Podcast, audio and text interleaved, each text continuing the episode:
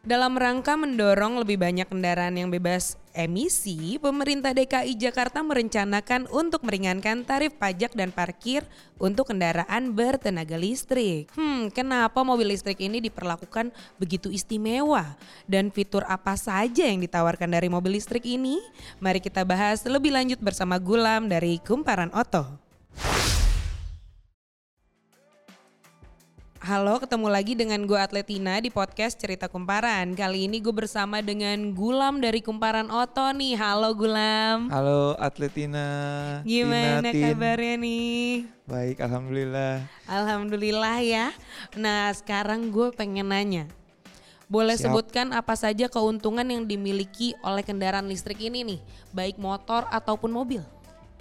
Yang pasti sih yang pertama itu kalau kita bicara soal lingkungan emisinya jadi lebih rendah atau bahkan zero. Jadi lingkungan kita tuh semakin sehat, semakin seger, nggak panas, awannya bisa kelihatan, cerah deh pokoknya deh lingkungan. Nah mungkin kan itu nggak uh, semerta-merta langsung dirasakan ya sama pemilik kendaraan bermotornya. Mungkin kalau sekarang sesuai dengan program-program pemerintah seperti lewat Perpres yang udah keluar nomor 55 tahun 2019 atau yang baru saja dikeluarkan revisi PPNBM nomor 73 tahun 2019 juga. Di situ ada tuh beberapa keuntungan untuk yang di Perpres nomor 55 seperti ada keringanan uh, pajak kendaraan bermotornya, untuk tarif bea balik nama kendaraan bermotornya. Kemudian juga bisa juga nih tarif parkirnya kalau kita parkir di mall atau di tempat-tempat umum itu bisa bebas biaya parkir atau bahkan kita cuma bayar berapa persen misalnya cuma bayar 8 apa 20 persen atau lebih murah lagi dari itu bisa juga tergantung kebijakan masing-masing daerah. Kemudian kan sekarang ada nih peraturan ganjil genap. Hmm. Nah, kalau untuk mobil-mobil berbasis listrik, hybrid atau listrik murni itu nggak apa-apa tuh walaupun nomornya ganjil nomornya genap bebas lewat jalan Wah, itu. istimewa banget ya nah makanya buru-buru deh kalau ada uangnya langsung beli. Tapi gue mau nanya dong sebelum gue beli nih berapa lama sih kendaraan listrik ini bisa dipakai apabila full charging? Nah kalau yang itu variatif ya tergantung dengan produknya tergantung modelnya. Ada yang uh, bisa di charge 7 sampai 8 jam misalnya untuk plug-in hybridnya milik Mitsubishi Outlander PHEV hmm. itu bisa menempuh uh, jarak kurang lebih 55 km untuk full charge tapi kan dia bisa masih bisa menggunakan uh, bahan bakar biasa biasa juga untuk generatornya. Terus untuk misalnya kayak mobil-mobil yang dibuat sama mahasiswa ITS nih yang hmm. keren-keren itu itu biasanya juga di chargernya ada yang bisa sampai 4 jam di rumah dan enggak dan itu nggak perlu daya listrik tinggi-tinggi kalau yang dibuat sama teman-teman dari ITS. Jadi Jadi bisa di rumah ya, lah ya, nggak nggak langsung turun biasa. tuh listrik ya. nah itu deh. Pokoknya cuman emang kalau daya listrik di rumah nggak begitu tinggi, misalnya standar 1300 atau berapa, uh, lama chargingnya jadi semakin lama. Tapi tetap bisa ngecharge tanpa harus meterannya jeblok istilahnya. Oh jadi nggak turun iya, ya? Gak turun. Yang tadi kita bilang ya. ya misalnya EZ 1 hmm. yang dibuat sama teman-teman ITS tuh charging time-nya tuh sekitar 4 jam dan dengan uh, baterainya itu 20 kWh dan bisa menempuh jarak malah 150 km. Wah, lebih jauh Iya, lebih jauh ya? lagi. Keren buat buat anak bangsa ini sebenarnya ini. Ih, Mantap. bangga banget lah gue jadi orang Indonesia.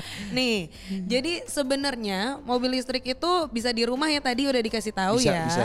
Kalau misalnya lebih rendah uh, dayanya jadi lebih lama gitu ya. Nah, tapi uh, ada juga Tin. Apa tuh? Sorry, ada lagi produk-produk yang memang walaupun ngecharge di rumah harus naikin daya listrik juga. Hmm. Jadi kayak misalnya sampai 2200 atau seterusnya supaya listriknya nggak jeblok. Tapi itu tergantung produknya masing-masing. Tapi sebenarnya so far Indonesia itu mampulah listriknya untuk melakukan pengecasan kendaraan listrik. Jadi Ih, itu aman. dia tuh yang tadi dong karya anak bangsa. Nah, uh, tapi gue mau nanya deh, kenapa sih pemerintah akhirnya membebas pajakan gitu kan uh, kayak meringankan pembayaran untuk kendaraan listrik ini?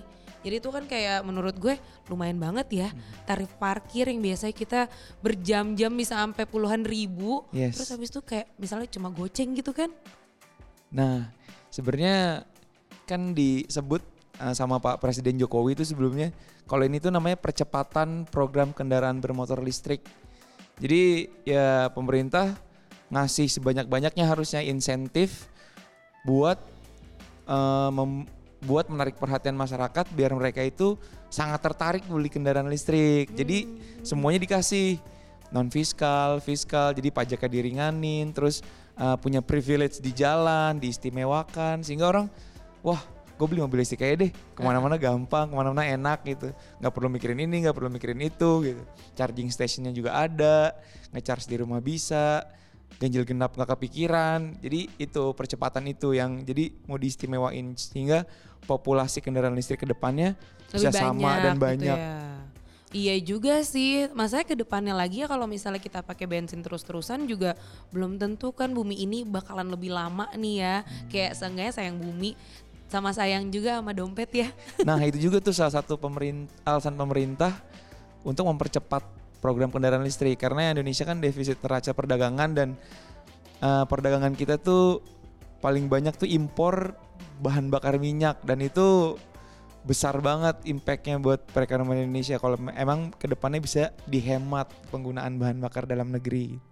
Oke, nah tapi gue mau nanya agak spesifik nih. Tipe kendaraan apa aja sih yang kena keringanan bayar ini? Sebenarnya kalau di aturan misalnya kayak di Perpres kendaraan listrik ya nomor 55 tahun 2019 eh hanya persyaratannya itu berbasis listrik aja. Jadi eh, ada yang benar-benar pure listrik, jadi nggak ada bensinnya atau Hybrid. kayak hybrid.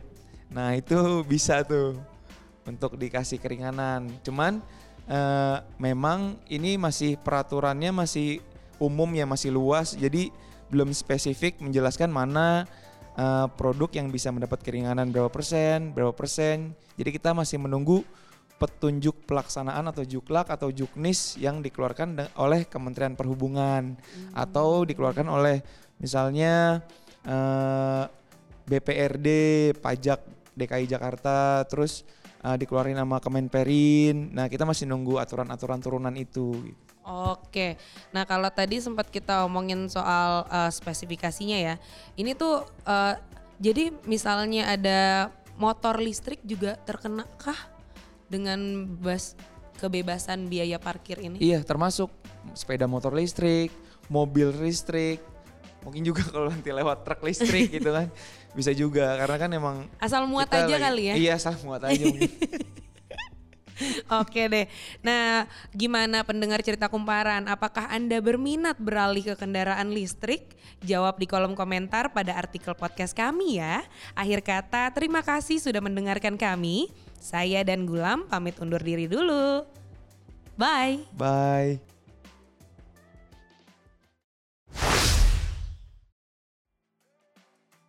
Sekian dulu podcast kali ini dan terima kasih telah mendengarkan podcast Cerita Kumparan. Jangan lupa untuk klik kumparan.com atau follow Instagram kita di @kumparan.com.